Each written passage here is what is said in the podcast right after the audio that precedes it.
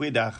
Parasha 35 Nasou om te neem of op te lig nommer 2. Ons het gister gesien dis Abba Vader wat vir Moses sê om vir Israel, om te al 12 stamme, nie net die Jode nie, te sê as iemand 'n besondere gelofte aflê, die gelofte van 'n Nasareer om hom aan Abba Vader te wy, dan moet hy wegbly van wyn en druiwe, eet of drink. Hy moenie sy hare sny nie en hy moet nie met dooie lyke in aanraking kom nie. Weereens, dis 'n besondere gelofte wat afgelê kan word. Daar's geen verpligting nie. As iemand homself aan Abba Vader wil wy. Ek kry nêrens in die woord waar daar staan jy moet nie meer hierdie besondere gelofte aflê as jy sou wou wou nie. So waarom sal iemand hom op een of ander manier vir Abba Vader wil afsonder op hierdie besondere manier? Gaan dit daaroor dat jy iets profeties doen deur aardse dinge prys te gee om jouself af te sonder vir Abba Vader? Of hoekom sê Abba Vader hierdie vir Moses sê om vir die kinders van Israel te sê terwyl hulle nog in die woestyn is? waar hulle leef van water uit die rots van Horeb en manna daagliks. Ek meen daar was daar was geen wingerde nie. Daar was geen druiwe of rosyne nie. Is dit omdat Abba Vader alles weet en geweet het dat een van die dinge waarvoor die land van Israel bekend is, is sy wingerde? So hoekom het Abba Vader geweet daar is van sy kinders wat hierdie besondere gelofte sou wil aflê? En dalk kan hierdie spesifiekiteit van hierdie beperkings ons die antwoord gee. Nou as jy hierdie gelofte aan Abba Vader maak, mag jy byvoorbeeld nie in aanraking kom met dooies nie. En wie anders in die Torah, die eerste 5 boeke van die Bybel, mag ook nie met die dooies in aanraking of in kontak kom nie. Die priesters of die kohanim. Ja, die priesters word verbied om aan meeste van die lyke te raak met die uitsondering van onmiddellike familielede, maar die hoëpriester, die kohen gadol, hy mag glad nie eers in aanraking kom met familielede se lyke nie. So dis amper asof hierdie Nazareer gelofte 'n spieelbeeld is van die hoëpriester se instruksies oor die aanraking of in kontak kom met enige dooie liggaam. OK? So wat van die instruksie rakende die drink van wyn? Is dit 'n hoëpriesterlike wet wat Abba Vader gegee het? Ja, Abba Vader sê vir Aaron die hoëpriester in Levitikus 10 vers 9, moenie wyn of sterk drank drink nie, jy of jou seuns saam met jou as julle in die tent van samekoms ingaan dat julle nie sterwe, 'n ewige insetting is dit vir julle geslagte.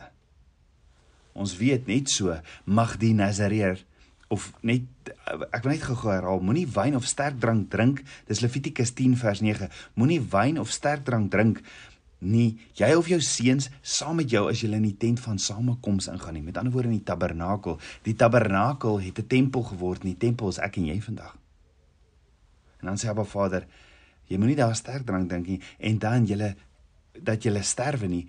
'n ewige insetting is dit vir julle geslagte Ons weet net so mag die Nazareer nie sterk drank of wyn drink tydens sy besondere belofte tydperk as 'n Nazareer nie. OK, en wat van die hare? Die priester en hoofpriester word nie verbied om hulle hare te sny nie, maar hulle moes 'n hoofbedekking gedra het wat genoem word 'n mitsnevet. En die hoofpriester, die Kohen Gadol, dra iets ekstra, iets wat die tzitz genoem word.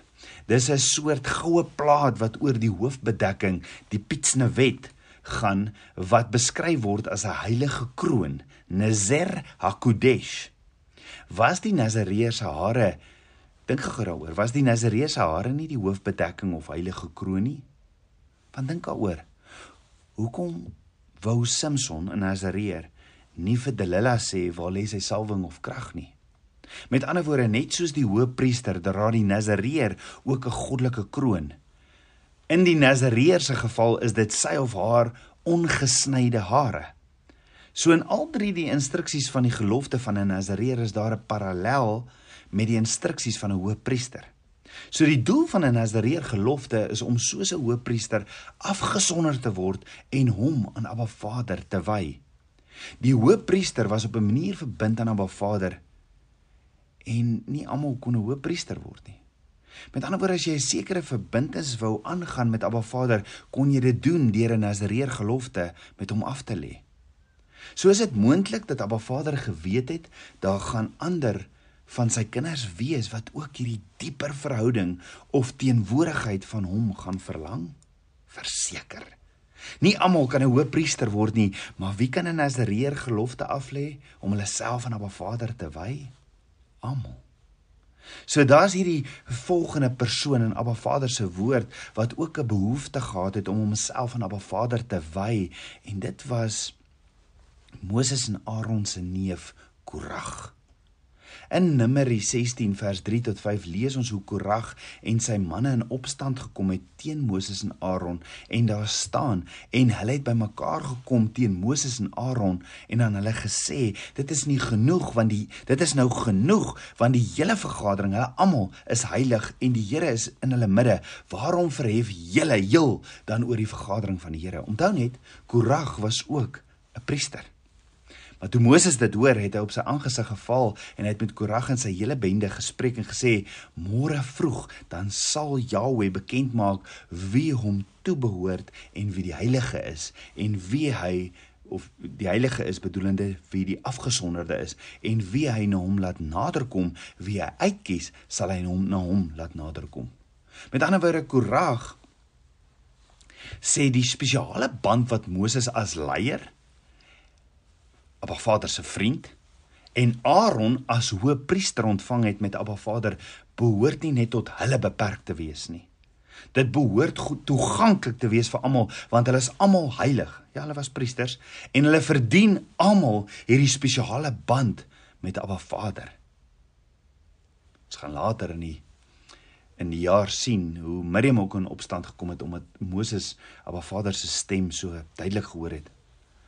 En al is dit nie so duidelik uit Korag se woorde presies waarna hy eintlik op soek is nie, bring Moses alles vir ons in die lig. Moses herinner Korag daaraan dat hy Aaron en die priesters in 'n spesiale diens van Abba Vader staan omdat hulle deur Abba Vader gekies is. Net so was Korag ook 'n priester. En Moses sê Abba Vader sal bekend maak wie hom toebehoort en wie die heilige, die afgesonderde is en wie hy na hom laat naderkom, wie hy uitkies, sal hy hom na hom laat naderkom. Omdat die hoëpriester kon eenmal 'n jaar by eh, op versoeningsdag Yom Kippur Abba Vader nader in die allerheiligste. Met ander woorde Moses sê eintlik vir Korag, jy is die een wat meer soek. Jy is die een wat hoër verwagting het, nie Aaron nie. Jy is die een wat 'n hoë priester wil wees of 'n Nasareer. Korag het 'n behoefte gehad om ook 'n spesiale geestelike nabyheid met Abba Vader te geniet. Is dit nie so nie? En is dit nie die hele doel of die idee van 'n Nasareer gelofte ook nie? Korag was baie aggressief en wou met alles ook 'n hoë priester wees, maar die vraag is hoekom wou Korag 'n hoë priester wees? Om te verduidelik, moet ons eers weet wat dit beteken om 'n hoëpriester te wees. Of wat is die kern van om 'n hoëpriester te wees? Persoonlik dink ek dat daar drie kritieke aspekte van die hoëpriester is. Net so kan ons ook vra wat is die geestelike betekenis daarvan om 'n Nasareer gelofte af te lê met Abba Vader in parallel. In beide gevalle gaan dit oor 'n behoefte om 'n noue verhouding met Abba Vader te hê, nommer 1. Die hoofpriester het 'n noue, intieme verhouding met Abba Vader gehad want hy was elke dag in sy teenwoordigheid diensbaar. Hy het ook eenmal 'n jaar namens die volk verzoening gedoen. Dan die hoofpriester word noodsaak genoodsaak om gehoorsaam, heilig, afgesonder en rein te wees, nommer 2. Hy mag ook nie naby sekere dooie goed kom of wyn drink in sy heiligdom nie. En die hoofpriester het 'n groot element van verantwoordelikheid gehad want hulle sorg vir almal se offers vir vergifnis, verzoening, versuiwering eenmal 'n jaar. En daar rus soveel op sy skouers want die hoofpriester is is die buite die tabernakel se leiding na 'n dieper verhouding met Abba Vader. So as gevolg van die hoofpriester Aaron se toewyding aan Abba Vader se teenwoordigheid, het daar baie respek en aansien met dit gekom veral buite die tabernakel. Hoekom? Want mense het die hoëpriester vertrou om hulle offers vir Abba Vader te hanteer. Hulle het die hoëpriester vertrou vir hierdie verlossing eenmal 'n jaar, nommer 3. Omdat die hoëpriester het jou ontmoet by die tabernakel met sy pragtige priesterlike klere waar jy jou offers ook vir hom kon gegee het. Maar daar is 'n spesiale manier waarop die kinders van Israel na die hoëpriester gekyk het en hulle en en hom gerespekteer en besonder het. So die vraag is, doen die Nazareer enige van hierdie dienste in Abba Vader se teenwoordigheid? Dink daaroor. Doen die Nazareer enige van hierdie dienste in Abba Vader se teenwoordigheid? Gee die Nazareer leiding of kry die Nazareer enige spesiale behandeling van ander mense as gevolg van sy of haar status soos die hoofpriester? Nee. Inteendeel, mense kyk 'n Nazareer weerd aan omdat hulle hare so slordig lank is.